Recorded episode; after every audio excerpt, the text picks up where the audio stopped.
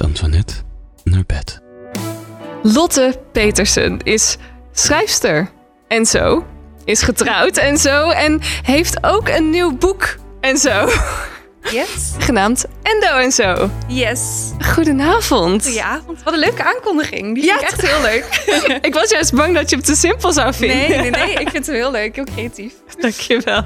Ehm maar dit is wel een heel ander boek dan wat je eerst schreef. Want je hebt eerst, was je heel erg van de romans. Eh, je hebt twee hele mooie romans geschreven. En nu is het echt heel persoonlijk. Ja, klopt. Hoe was dat? Waarom? Ja, Zoveel vragen. dat was wel gek hoor. Ja. Ehm, sowieso, als je een, een roman schrijft, kun je altijd nog een beetje verstoppen achter de fictie. Dus natuurlijk gaan mensen dan ook vragen van, is dit echt gebeurd? En zeker bij mijn eerste roman zaten er ook best wel veel waar gebeurde elementen in. Mhm. Maar dan kon ik altijd nog zeggen van, oh nee, dit is verzonnen. Of eh, zelfs als het misschien wel echt was, dan kon ik alsnog zeggen, het is verzonnen. En nu, eh, ja, nu voor mijn nieuwe boek, eh, mijn non-fictieboek, ben ik wel heel dicht bij de waarheid gebleven natuurlijk. En eh, ja, is het ook echt veel meer een, een persoonlijk verhaal. Dus Mhm. dat was wel heel spannend, ja. Ja, Ja. want ehm, hoe persoonlijk is het? Is het echt één op één? Ja, eigenlijk wel. Het is, ehm, mag ik ook gelijk vertellen waar het verder over gaat? Ja, graag. nog niet? Oké, helemaal goed. Nou, het, eh, het boek heet dus Endo en zo. En het gaat over mijn eh, persoonlijke zoektocht eh, toen ik te horen kreeg dat ik endometriose heb.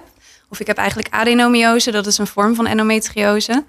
En ehm, ja, ik, ik, bij mij begon het met hele hevige pijnaanvallen. En voor ik het wist had ik allerlei medische onderzoeken en kreeg ik de diagnose. En toen kwam ik erachter dat het dus wel een hele veel voorkomende ziekte is, maar dat er eigenlijk helemaal niet zo heel veel over gedeeld wordt. Wacht even, dus eh, je had hele heftige pijnen. Het komt heel vaak voor, maar Ja. toch konden ze het niet weten, wisten ze niet wat het was. Nee, bij mij is het gelukkig nog redelijk snel gegaan, want gemiddeld duurde het echt 7,4 jaar. 7,4 jaar. 7,4? Ja, dat is echt heel lang voordat een patiënt de diagnose krijgt. Eh, dus dat is echt belachelijk lang. Bij mij heeft het gelukkig niet zo lang geduurd. Ehm, maar het is wel zo dat als je eenmaal de diagnose krijgt, dan, ja, dan ga je wel als patiënt, ja, wil aan je lot overgelaten klinkt zo heftig, maar er is wel heel veel wat je zelf uit moet zoeken. En er zijn gewoon ook heel veel ervaringen waar je tegenaan loopt, ehm, waarin je je best wel heel eenzaam kan voelen. En omdat ik het heel erg miste om, mijn, ja, om een soort van samenhorigheid te voelen. En ook Mhm. gewoon om een beetje steun te zoeken in andermans verhalen. Eh, maar ook de praktische dingen. ehm, dacht ik van, dan ga ik er zelf iets over schrijven. Dus het is echt een mengelmoes van mijn eigen verhaal. Maar ook interviews met andere patiënten, met specialisten. En, eh, en ook praktische tips. Wauw. Ja. Ehm, maar 7,5 jaar. Want hoe lang heeft het bij jou dan geduurd voordat ze erachter kwamen? Bij mij, eigenlijk als je het dan vergelijkt met die zeven, Ja. met vier jaar, heb ik het echt heel snel gekregen. Heb ik de diagnose, ik denk in een maand of drie gekregen. Oh, dat is echt heel snel. Ja, ik denk wel achteraf dat het bij mij ehm, zo snel is gegaan. Omdat tegen de tijd dat ik aan de bel trok, zeg maar, de pijnaanvallen al dusdanig erg waren dat ik op een gegeven moment ook echt gewoon aan de morfinepomp zat op de eerste hulp s'nachts in Zo. uh, Catharina ziekenhuis in Eindhoven. Wel een hele leuke verpleegkundige daar trouwens. Even shout-out naar Catharina ziekenhuis.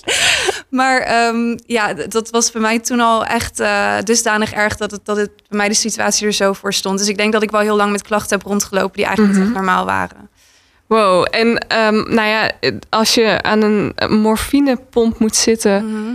ehm, hoe, hoe voel je je dan in je lichaam? Dan, hoe gaat dat? Het lijkt me niet dat je dan denkt, oh, ik heb nu zin in seks. Nee. nee, nee, dat zeg je goed. Nee. Ehm, dan heb je gewoon heel veel pijn vooral. Ja. En ehm, wat ook wel... eh, ik vind het heel leuk dat je me hebt gevraagd voor, voor dit programma. Want endometriose heeft ook gewoon... ondanks dat het niet een heel sexy onderwerp is... heeft het wel ook veel te maken met, ja, met je lichaam, met seksualiteit... Ook vooral omdat je eh, als endometriose patiënt dus heel vaak bij de gynaecoloog komt. Dus je hebt ook best wel vaak invasieve onderzoeken. En dan kan je best wel een beetje gaan vervreemden van je lichaam, zeg maar. Plus je hebt heel veel pijnklachten vaak. Eh, in mijn geval dus heel veel pijn in mijn zij, in mijn rug en in mijn onderbuik. Ehm, dus je voelt je soms niet heel, ja, vaak niet comfy in je lijf, zeg maar. Mhm. Dus ook daarin ja, ben ik wel een beetje gaan zoeken naar manieren van hoe, hoe kan dat beter? Hoe kan ik weer wat vertrouwder met mijn lichaam zijn? Ja, want de reden waarom ik je dus ook vroeg was... eh, en dus het, het vervreemden van je lichaam, maar ook het...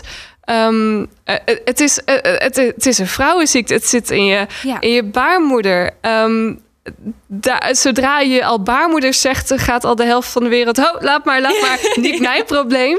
Ja. Ehm, maar ja, het heeft wel alles ook te maken met, met wie je bent. En, eh, en, Ja. en misschien de potentie van kinderen, of misschien niet kinderen kunnen krijgen. ja. Ehm, eh, wel of niet eh, überhaupt het fijn kunnen vinden van seks. Er, is, er heeft Mhm. zoveel mee te maken. En natuurlijk zit dat met heel veel andere ziektes ook. Maar vaak endometriose is wel echt... Nou, het wordt wel heel erg gezien als zo'n vrouwenziekte. Ja, klopt. Ja, er zijn heel veel misverstanden over.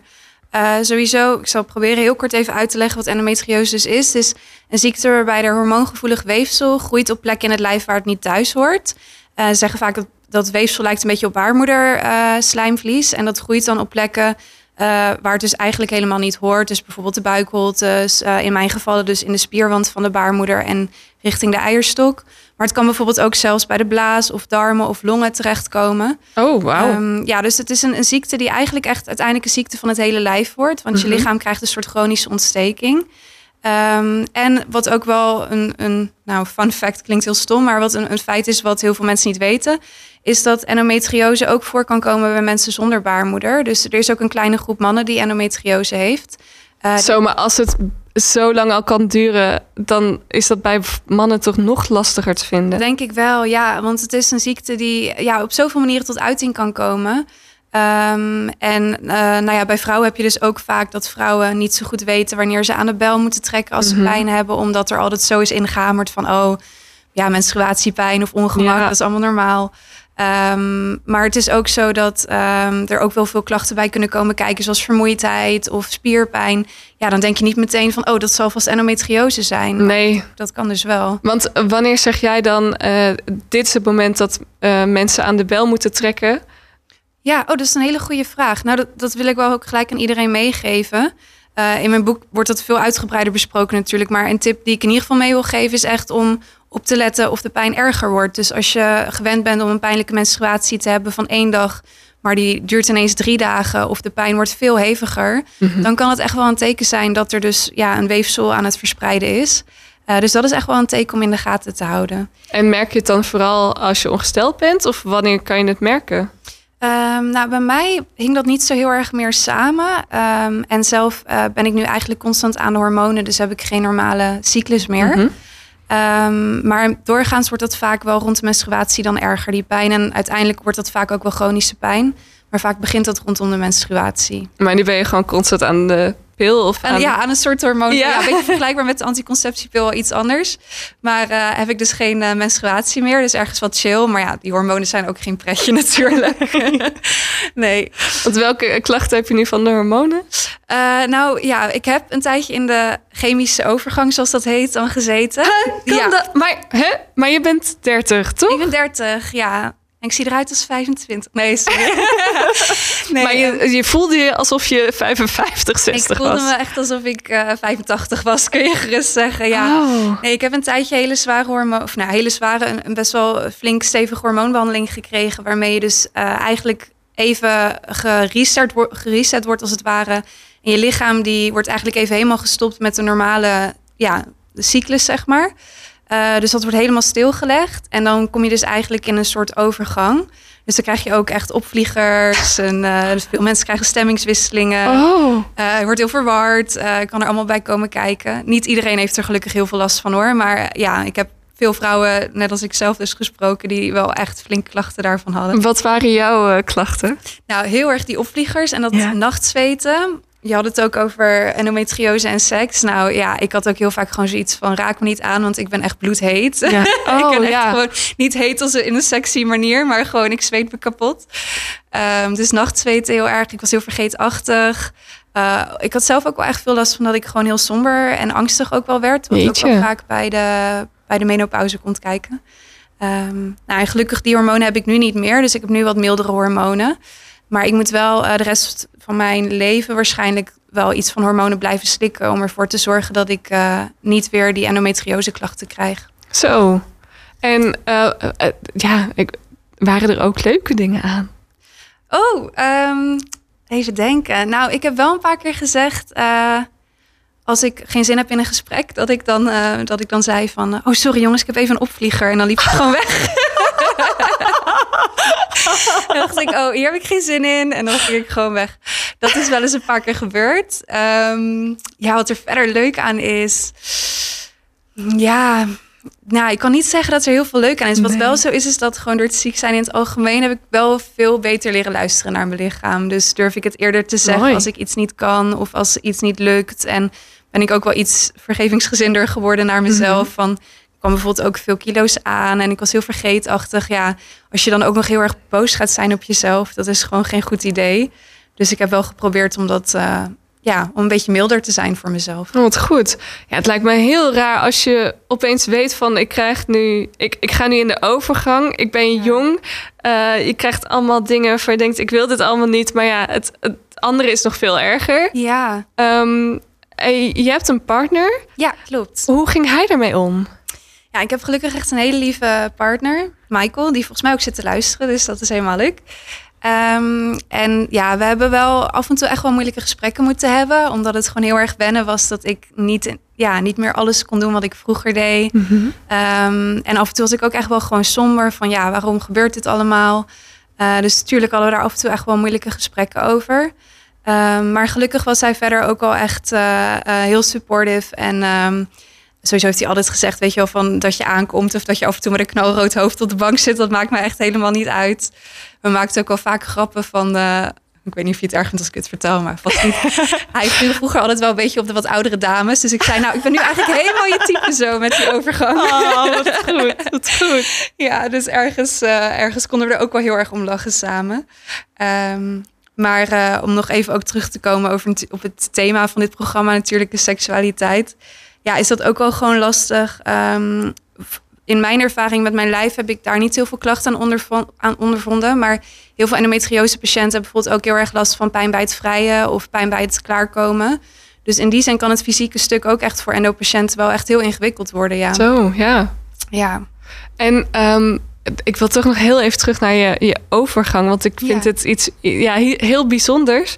Het- als jij geen zin had om aangeraakt te worden, hoe kon je dat dan overbrengen aan je partner? Wat als hij wel zin had? Of, en eh, ja. gebeurde het ook wel eens dat jij wel eens wel zin had? En hoe bespreek je dat dan?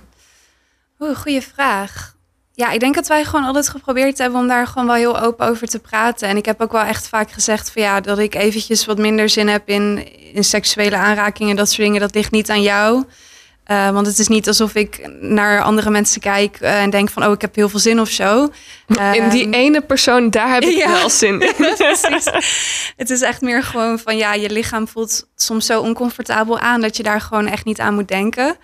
Ehm, en we hadden ook zoiets van nou, dat komt vanzelf wel weer terug. En Is het terug? Ja, het wordt wel beter. ja, ja, zeker. Ja, gelukkig wel. Het, is, ja, het blijft een beetje wisselvallig, want soms heb ik weken dat ik heel veel pijn heb. Ja, dan alsnog denk je niet van nou, laten we lekker eh, iets geks gaan Nee. Maar ehm, nee, zeker gaat het echt wel weer een stuk Oh. beter. Wat Ja. fijn, wat fijn. Ehm, ja, je, je hebt ook muziek meegenomen. En ja, ja d- ik heb Britney voor je klaarstaan. Yes. Toxic.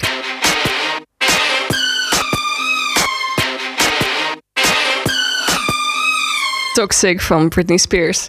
Je luistert naar Met Antoinette naar bed en naast mij in bed schrijfster Lotte Petersen. We hebben wat vragen binnengekregen Oh, leuk. over je boek Endo en zo. Ehm Frankie die vraagt, is endometriose genetisch? Oh, wat een goede vraag. Eh, ja, het is heel waarschijnlijk wel dat het eh, voor een deel in je DNA zit, zeg maar. Dus Mhm. dat het wel erfelijk is, ja. ja. Ze weten nog niet precies hoe dat verband zit. Maar ja, er zijn wel echt sterke aanwijzingen dat er een verband is. Want heb jij in je familie ook dan dat je weet van eh, andere Nee. mensen? Nee, dat dus niet. Dus in mijn eigen familie zie ik het niet zo terug. Ehm, maar wat wel zo is, is dat bij oudere generaties ze niet altijd zeker weten of iemand bijvoorbeeld endo heeft gehad, omdat die diagnose nog niet zoveel werd gegeven vroeger. Ja. Dus dan werd er eerder gezegd van ja, oh, iemand had eh, vruchtbaarheidsproblemen of iemand had chronische pijn. Of, of dan werd er misschien een andere diagnose gegeven, maar dan werd die endometriose niet zo eh, benoemd. ja. Maar dan is het wel snel gevonden bij jou. Eh, ondanks dat er geen. Ja. Ja. ja, ja, ik heb wel geluk gehad dat ik echt bij een hele goede Zo. arts eh, terecht kwam. Ja, ja, zeker. Eh, Debbie vraagt, ja, hoe is het om als dertiger in de overgang te zijn? Ja, dat is wel heel raar. Ja, ik, ik ben er dus nu gelukkig weer eh, uit. Dus ja, ik heb nog steeds niet echt de normale cyclus, maar ik zit niet meer echt met al die opvliegers. Dat is heel fijn. Alhoewel ik nog wel tegen jou zei van, oh, ik moet misschien geen wijn gaan drinken, want dan krijg ik nog wel eens in één keer een heel groot hoofd. Ehm, ja, het is wel gek om, om ineens in de overgang te zijn zo jong. Uh, ook omdat je dus soms best wel zichtbare klachten hebt. Dus dat je heel erg aan het zweten bent. Of mensen zien dat je veel gewicht bent aangekomen. En dan denk je toch van ja, ga ik dit benoemen? Of ga ik doen alsof het er niet is? En als ik het ga benoemen, dan moet je best wel een ingewikkeld verhaal uitleggen. Je moet veel uitleggen meteen Ja. dan. Ja. Ja, en, eh, ja, en je voelt je ook niet altijd helemaal als jezelf. Ja, ik was bijvoorbeeld een paar jaar geleden echt nog lekker heel erg in het weekend aan het stappen en dat soort dingen. En ja, op een gegeven moment had ik wel door van oké, met bijvoorbeeld als je dan in die overgang zit, dan heb je niet echt zin om in een warme kroeg te gaan staan. Nee. zo. nee. Heb je nu meer begrip voor vrouwen in de overgang en andere Ja. mensen in de overgang? Ja, zeker. Ik denk ook echt dat het best een onderschat ja, probleem klinkt, maar een onderschatte fase is van dat er echt wel heel veel bij komt kijken waar niet zoveel over gesproken wordt. Dus eh, ja, ik heb er wel heel veel eh, ja, respect voor mensen die daardoor ingaan. Alex die vraagt, kunnen mannen ook endo krijgen? Ja, hele goede vraag. Ja, dat kan dus wel. Ja, je vertelde het net ook al, maar Ja. even kort, want hoe, hoe kan het dan? Ja. Nou, ik, ik ben natuurlijk geen dokter, dus ik weet niet precies uit te leggen hoe het zit. Maar ik heb dat wel gevraagd aan een van de artsen die ik heb geïnterviewd voor mijn boek. En ehm, het is dus zeker zo dat er een kleine groep eh, mannen is die endometriose heeft. Zowel cis-mannen als transmannen. Eh, en vroeger dachten ze dan dat dat bij cis-mannen alleen het geval is, mannen die als man zijn geboren, dat het alleen zo was wanneer zij bijvoorbeeld een hormonale behandeling moesten krijgen, omdat ze een andere medische aandoening hadden. Maar tegenwoordig is het wel duidelijk dat het ook gewoon bij, ja, even tussen de aanhalingstekens, gezonde cis-mannen ook wel eens voorkomt. Ehm, en de arts die ik interviewde, die, begreep, die vergeleek dat een beetje met borstkanker bij mannen. Van het komt voor, het is alleen wel een stuk zeldzamer dan bij vrouwen. Ah, Ja, wauw. Ja Ehm, kun- interessant. Ja, maar kun je er dan ook soort van op testen? Of ehm, hoe werkt dat? Want ja, bij borstkanker is, heb je het onderzoek. Ja, nou, endometriose, ik weet al niet hoe dat zit bij mannen, maar bij vrouwen wordt dat eh, op verschillende manieren onderzocht en kan het op verschillende manieren worden ehm, ja, ontdekt dat iemand dat heeft. Wat ook best verwarrend is dat het soms op de ene, bij het ene onderzoek is de ene vorm zichtbaar en bij het andere zoek is de andere vorm zichtbaar. Dus soms moet je echt meerdere onderzoeken doen Oh. om uit te zoeken wat je dan precies hebt. Eh, bij mijzelf is het met een MRI eh, ontdekt. Dus een MRI van mijn eh, kleine bekken eigenlijk. Van mijn onderbuik en mijn bekken. Ehm, maar het kan ook zijn dat het bijvoorbeeld via een kijkoperatie wordt ontdekt. Of via een ehm, vaginale echo. Dus dan, moet altijd een beetje lachen als ik erover ga vertellen. Want het is, ja, het is best wel een ongemakkelijk onderzoek. Je krijgt dan echt een, een camera die er, ik zeg ook in mijn boek, gewoon ja, onmiskenbaar uitziet als een dildo Ja. met een condoom eroverheen, ja, wordt dan ingebracht. En dan gaan ze kijken wat ze zien. En ja, sommige varianten van endometriose kun je dus op zo'n echo zien. Ja. Sorry, ik zit nog even met dit beeld. ja, dat snap ik. Ja, het staat ook nog steeds op mijn netvlies gebrand. eh. Vooral hoe mensen. Maar hoe, hoe ging, waren ook mensen heel erg secuur dan het erin aan het stop? Hoe gaat dat? Neem Ik heb- ons even ja, visueel mee. Ik, nou, ik heb vooral een hele grappige anekdote van een vriendin van mij. Die eh, moest ook ooit een onderzoek laten doen. En eh, die had haar moeder meegenomen naar de afspraak. ja. En de dokter, en dat, zei, dat zegt ze altijd, dat zeiden ze mij ook. En dat is ook wel goed. Het is best een vrij groot apparaat. Maar ze zeggen dan heel vriendelijk van geen zorgen. Het ziet er wel heftig uit, maar het gaat maar een heel klein stukje naar binnen. Wacht even, Ja. hoe groot? Ja, echt wel winterpeenformaat. Zeg Oh. maar. Ja, ja, maar hij gaat dus natuurlijk gelukkig niet zo ver naar binnen hoor. Oké. Maar eh, het is wel echt een, eh, een intimiderend apparaat, zeg Ja. maar in een niet zo positieve zin. Ehm, en toen had mijn vriendin, dus die dokter zei, gaat maar eens een klein stukje naar binnen hoor. En toen had mijn vriendin geantwoord, oh geen zorgen, dat was makkelijk. En ze zei dat gewoon zo heel achterloos, een beetje als grap. En haar moeder, die zat echt zo vuur te spuwen met haar ogen. Die dacht echt, wat zeg jij nou? dus toen ik de eerste keer dat onderzoek kreeg, toen moest ik wel heel erg denken aan die anekdote van haar. Toen dacht Ja. ik ook, het is ook wel af en toe gewoon heel grappig allemaal. ja. Heb je toevallig die mensen ook geïnterviewd? Nee, die vriendin niet. Nee, nee, maar dat die anekdote heb ik wel in mijn boek gebruikt. Ik vond die zo goed. Ja. Wat voor interessante dingen heb je uit het interviews eh, meegekregen? Nou, echt wel van alles. Ik heb echt wel wat eh, hele mooie patiëntverhalen gehoord. Ehm, als in mooi van ja, hoe krachtig die vrouwen eigenlijk waren. Eén vrouw, die, daar had ik ook wel bewondering voor. ehm, omdat mensen ook heel vaak vragen van ja, hoe, hoe erg is die pijn nou met endo? En eh, de vrouw die ik interviewde, die had al twee kinderen. Dus die had al twee bevallingen achter de rug. En die zei, echt op een gegeven moment van ik baar liever een tweeling dan dat ik die endopijn moet hebben. Dus toen, toen dacht ik ook wel van oké, die pijn is wel echt serious business. Dat is niet niks. Ehm, dus dat zijn ook wel echt verhalen die, me- die me bijblijven. Eh, maar ik heb bijvoorbeeld ook een seksuoloog gesproken, die ook heel erg veel eh, vrouwen begeleidt, die medische behandelingen moeten ondergaan en Mhm. helpt om dat gemakkelijker te maken. Ehm, en die ook heel erg uitlegde van ja, ehm, als het gaat over zin hebben in seks, is het vooral ook de bedoeling dat je zelf loslaat om jezelf als object te zien. Dus dat je jezelf alleen maar aantrekkelijk wil, wil maken en jezelf aantrekkelijk wil vinden. Ehm, maar gaat het erom dat je eigenlijk gewoon heel erg gaat ervaren vanuit je lichaam. Dus dat je lichaam iets is dat ervaart in plaats van dat het ervaren wordt. Oh, dat, ja, dat vind ik een hele moeilijke. Want zelfs mensen waar eh, niks, niet veel mee aan de hand met het lichaam, lijkt het me lastig om alsnog vanuit je lichaam te leven. Nee, klopt. Dat is zeker ook eh, niet, eh, niet een switch die je in één keer kan maken natuurlijk. Ehm, maar het hielp mij wel heel erg, ehm, vooral toen ik bijvoorbeeld best wel wat moeite had met dat het qua uiterlijk best wel was veranderd. En dat ik me gewoon niet zo heel erg als mezelf voelde. En ja, gewoon ook niet heel aantrekkelijk voelde met al die zweetaanvallen. En, ehm, en toen had ik wel zo, ik dacht dus heel erg dat de oplossing zou zitten in van ik moet me weer sexy voelen. Maar door, door dat gesprek met die seksuologe, Elise van Alderen, had ik zoiets van: oké, nee, het gaat erom dat ik gewoon kan genieten van aanrakingen, van intimiteit, ook al is het een knuffel of iets anders. Ehm, en dat het niet gaat over of ik mezelf aantrekkelijk vind, maar meer Mhm. of ik zelf ergens anders aantrekkingskracht in kan vinden. Dat is eigenlijk een beetje de sleutel. En dat vond ik wel heel mooi, omdat ik dacht, ja, er ligt inderdaad ook heel veel nadruk op van vind ik mezelf sexy, terwijl daar hoeft het eigenlijk niet altijd op, op te liggen, die nadruk. Ben je anders eh, intiem geworden? Ehm, ja, ik, ik weet natuurlijk nog niet echt hoe dat allemaal in de toekomst gaat zijn. Maar ik moet wel zeggen dat ik sinds ik dan ja, die chronische ziekte heb gekregen, dat ik ook al iets meer belang ben gaan hechten aan gewoon lekker fijn samen knuffelen. Of Mhm. eh, nou, ik heb vaak last van mijn rug, dus een rugmassage kan ik heel erg Oh. waarderen. Ja, dat is dan altijd wel heel fijn. Ehm, dus ik ben ook een beetje intimiteit ook op andere manieren gaan opzoeken dan dat het per se gelijk een, eh een vrijpartij moet zijn. Mooi. Ja.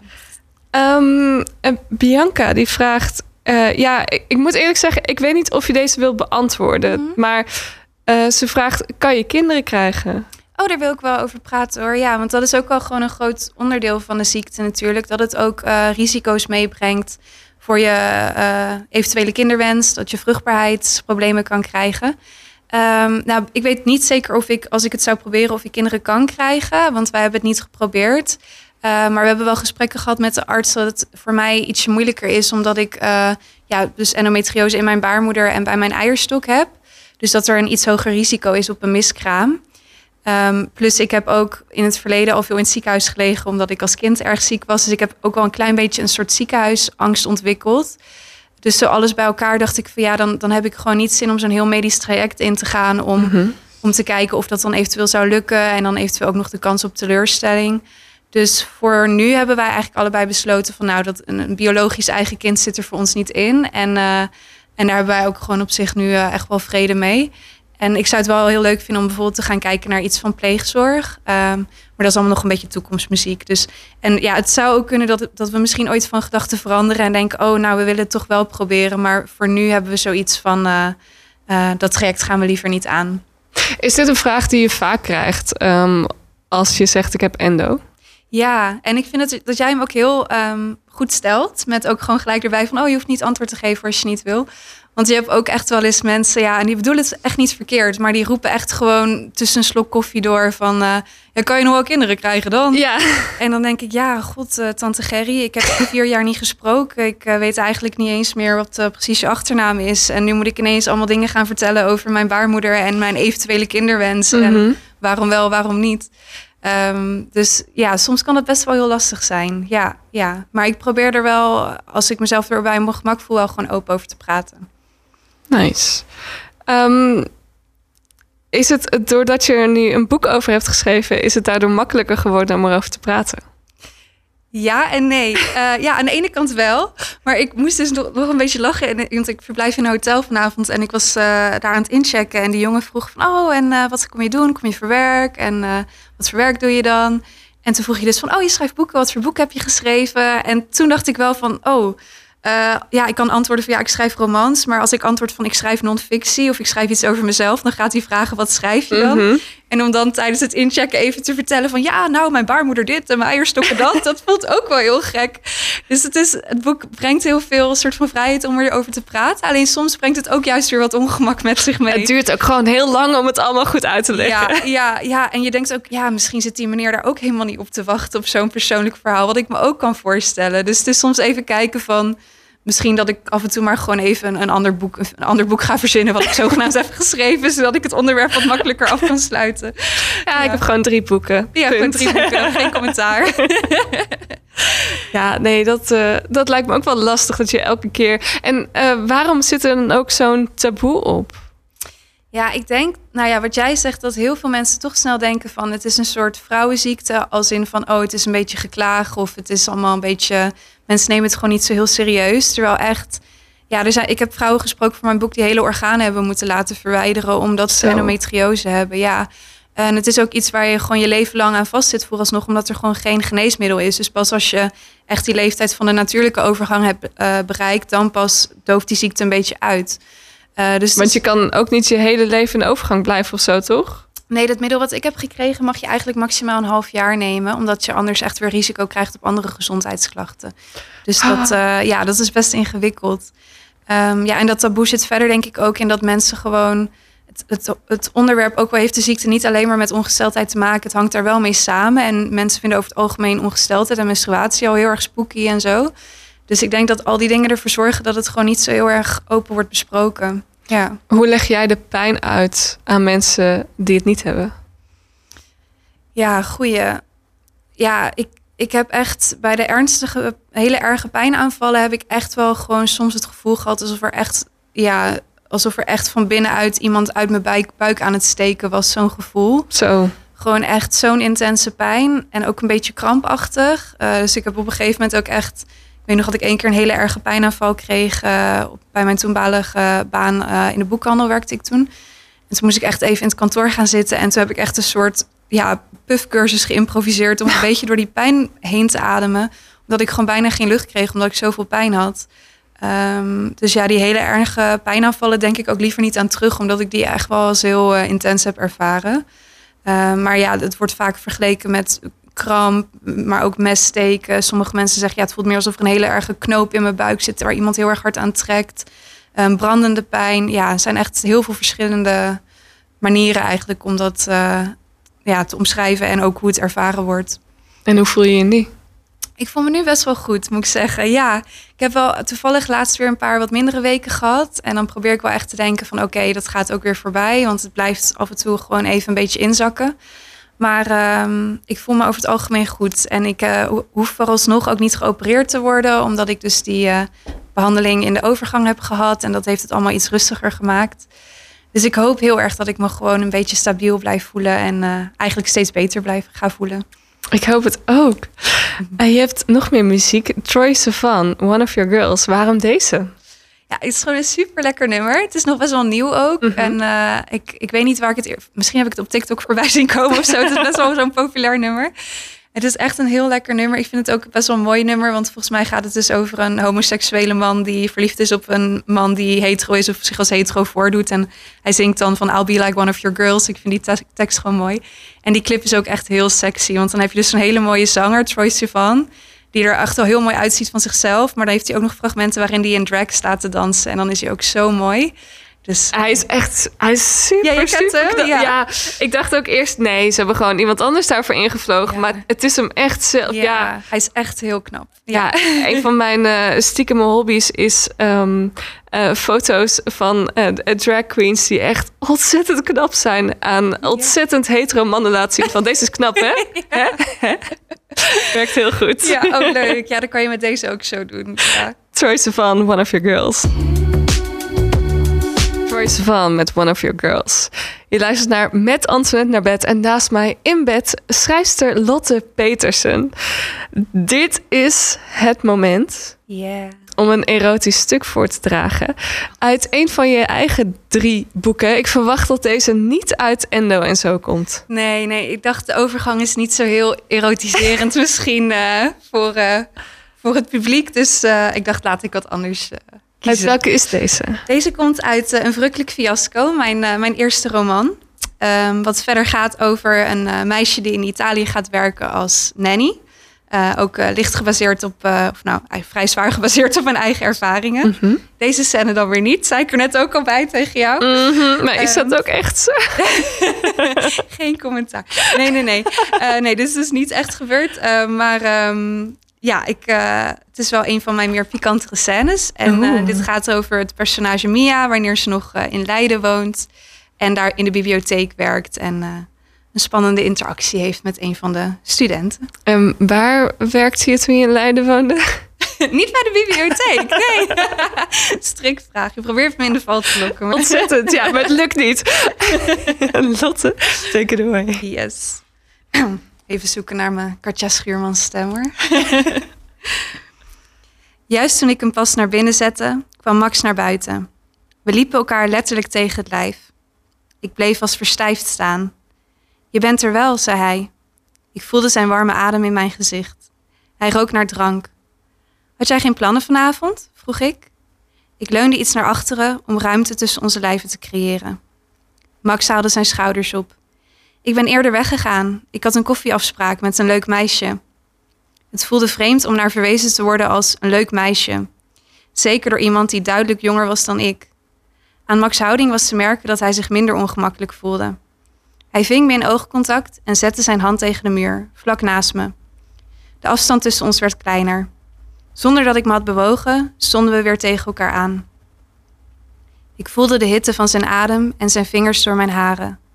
Zijn lippen drukten zachtjes tegen de zijkant van mijn wang.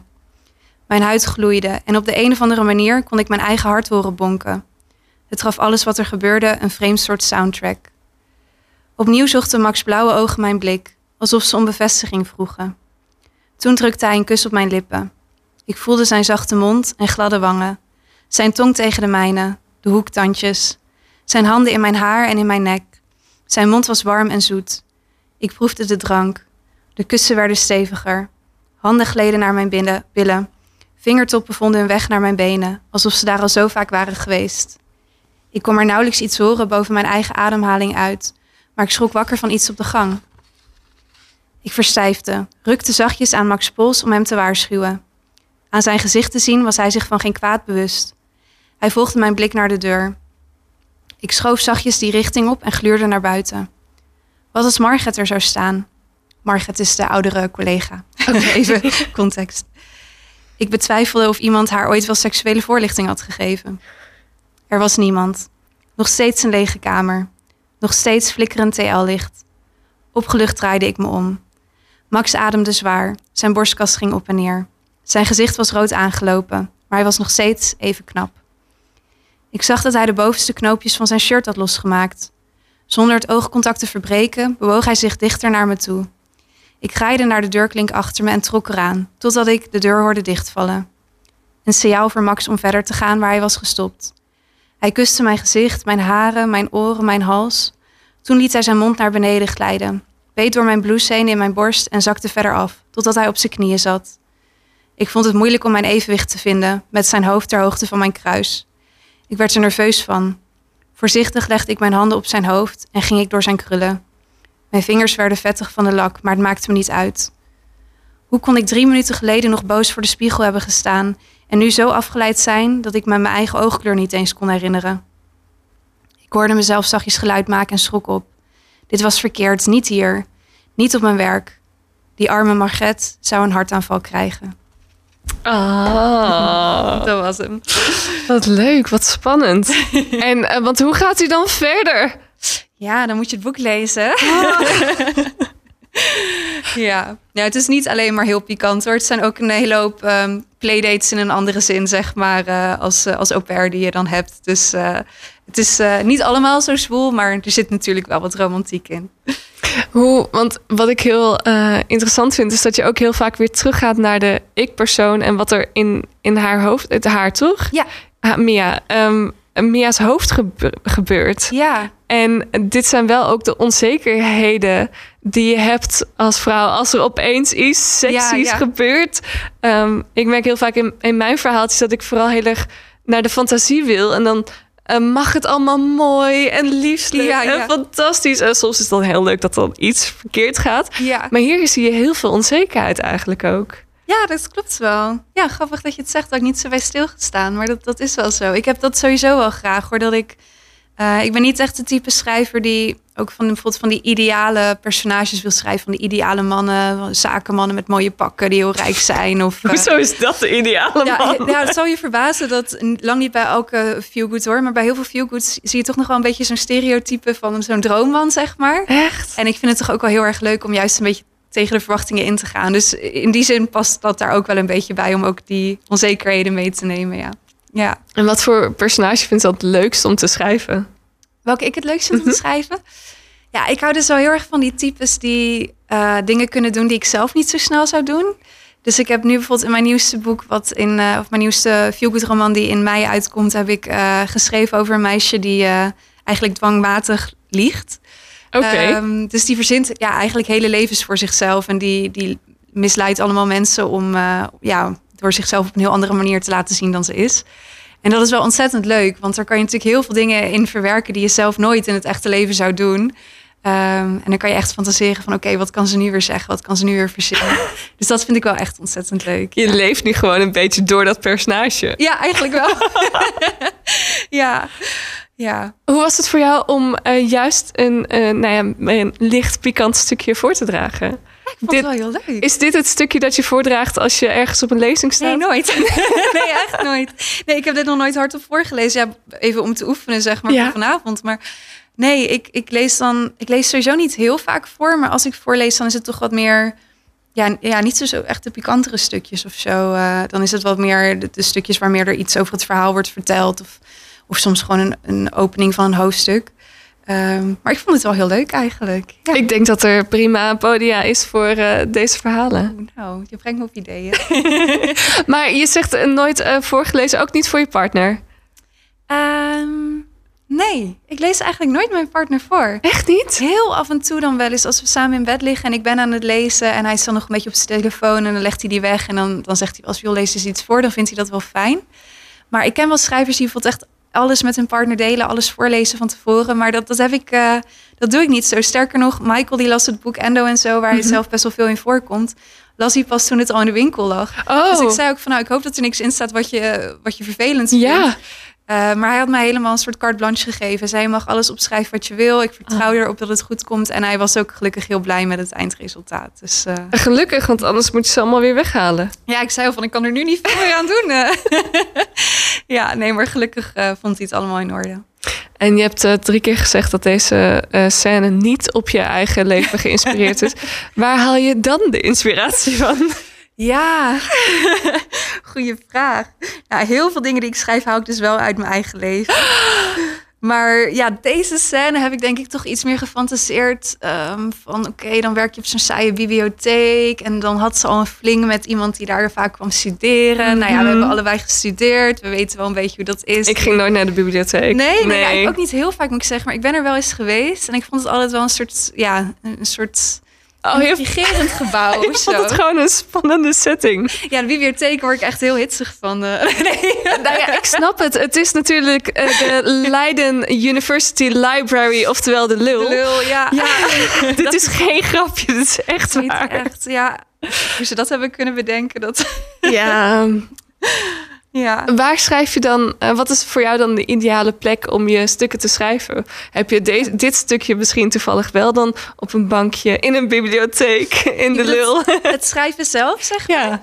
Oh, eh, nou, ik heb een heel fijn kantoortje thuis. Die heb ik ook echt helemaal in boekthema opgemaakt. Dus mijn, Mhm. mijn muur is echt behangen met boekpapier. En ik heb zwevende boeken aan de muur en hele grote boekenkasten. Dus dat is echt mijn, mijn safe space, zeg Mhm. maar. Eh, maar ik vind het ook wel heel leuk om af en toe gewoon lekker ergens in een cafeetje te zitten. En dan koptelefoon op en dan lekker te schrijven. En eh, ik geef ook, eh, als ik schrijfcursussen geef, raad ik mensen ook heel vaak aan om juist als je gaat schrijven over een plek. eh, dus bijvoorbeeld nou, over Rome dan, waar dit boek over gaat. En je schrijft over een café daar, om dan daar op dat terras te gaan zitten met een aantekeningenboekje en alles op te schrijven wat je hoort en ziet. Gewoon Mhm. omdat je daar later weer uit kan grijpen als je, als je over die plek gaat schrijven. Dus ik vind het ook wel heel leuk om naar locaties te gaan om eh, te researchen, zeg maar. Ben je nog terug naar Rome gegaan voor dit boek? Ja, zeker. Ja, ik was voor dit boek, ehm, eh, want ik heb dan zelf in Rome gewoond ook. Dus dat stuk is allemaal ook wel, eh, dat is dan wel autobiografisch. En ik woonde bij een, een beroemde actrice en een regisseur die twee kinderen hadden, waar ik dus de nanny van was. En ehm, ja, pas jaren later, na die ervaring, ging ik dit boek schrijven. Maar voordat ik dus dat ging schrijven, ben ik eerst teruggegaan naar Rome. Ook omdat ik Michael graag Rome wilde laten zien. Die was er Mm. nog nooit geweest. En toen ben ik wel ook naar al die oude plekken geweest. Dus ook de school waar de kinderen op zaten. En de plekjes waar we gingen eten. En de parkjes waar ik vaak met hun naar de speeltuin ging en zo. Dus Mhm. kwamen al die herinneringen weer omhoog. Heb je, eh, heb je het aan dat eh, gast of aan het gezin gevraagd of je dit boek mocht schrijven? Nee, nee. want, Weten ze eh, het? Nee, ik denk het niet. Oh. Nee. Misschien vanavond luisteren ze mee. Nee, nee Ze zijn Italiaans, toch? Ze zijn Italiaans, ja. En ehm, het boek is ook vooralsnog alleen in het Nederlands uitgegeven. Plus, ik heb wel ook altijd gezegd, het is een gefictionaliseerde versie. Dus ik heb mezelf een andere naam gegeven. Maar ik heb ook de, de, de ouders in het boek en de kinderen andere namen gegeven. Mhm. En er zijn ook echt wel dingetjes veranderd hoor. Dus ik denk niet dat mensen ooit zouden herkennen over wie het ging. Eh, of op wie het is ge- in- geïnspireerd, zeg maar. Ehm, maar ja, ik heb me wel eens afgevraagd van... Goh, wat als ze nou een keertje zouden, mij zouden opzoeken op Instagram of zo. Mhm. Ja, maar vooralsnog nooit eh, bericht gehad. Nog eh, geen bericht is goed bericht, toch? Ja. Eh, ja, je hebt wel dan een, een eh, spicy stukje in je boek. Ben je dan een beetje van de dirty talk? Oh, leuke vraag. Ehm, niet zo heel erg. Nee. Ik vind het wel... eh, ik vind het niet per se een afknapper, dat niet. Maar ik ben Een niet zelf... afknapper? Nee, nee, ik vind het niet een afknapper. Dus een, je bedoelt zeg maar van sexy praten in bed, toch? Ja. Ja, ja. Nee, ik vind dat niet per se dat ik echt denk van... oh, dat, dat vind ik echt heel asexy of zo. Maar ehm, nee, het is ook niet iets wat ik zelf heel actief doe. Oké, oké. in mei komt je volgende boek uit. Yes. Mag je daar al iets over zeggen? Ja, ik, eh, ik vind dat alleen maar leuk. Ja, dat heet Liefst van een Leugenaar. Het gaat dus over een Ah. meisje dat heel veel liegt. het speelt zich af in Parijs. Ehm, en ik heb er zelf ook twee jaar geleden een maandje gewoond. Eh, ook Voor dit ik- boek? Voor dit boek? Ja, echt? Ja. Oh. Ja, dat is het mooie aan, aan schrijver zijn. Is dat je dan zelf excuses kan creëren om eh, een maand naar het buitenland te gaan en dan eh, daar te researchen. Ehm, nou, het gaat over een meisje die eigenlijk niet zo gelukkig is. En ze denkt dan terug van wat was nou de laatste keer dat ik echt gelukkig was. Denkt ze, ja, dat was toen ik eh 15 was en heel erg verliefd was voor de eerste keer Mhm. vakantie in Frankrijk. En haar oplossing voor haar ongeluk is om dan ook te gaan denken van ik ga mijn oude jeugdliefde weer opsporen. Oh nee. Maar in plaats van dat ze hem gewoon een berichtje stuurt, gaat ze dus in Parijs wonen om hem toevallig tegen het lijf te lopen. Dat is natuurlijk allemaal in scène heeft gezet. Zodat ze ja, hem opnieuw kan verleiden. En eh, daar gaat het boek over. Ik heb nu een beetje een soort van crazy ex-girlfriend vibes. Dat is ja. Maar ook heel erg you. Oh, nou, you, nee, zo, is geen, eh, er komen geen moorden in voor. Oké. eh, vooralsnog, het is nog niet af. Ik bedoel, er kan nog van alles. En zij heeft niet een, eh, een telescoop in, in de kamer Nog staan. om- net niet, maar nee, nee, nee, zover gaat het niet.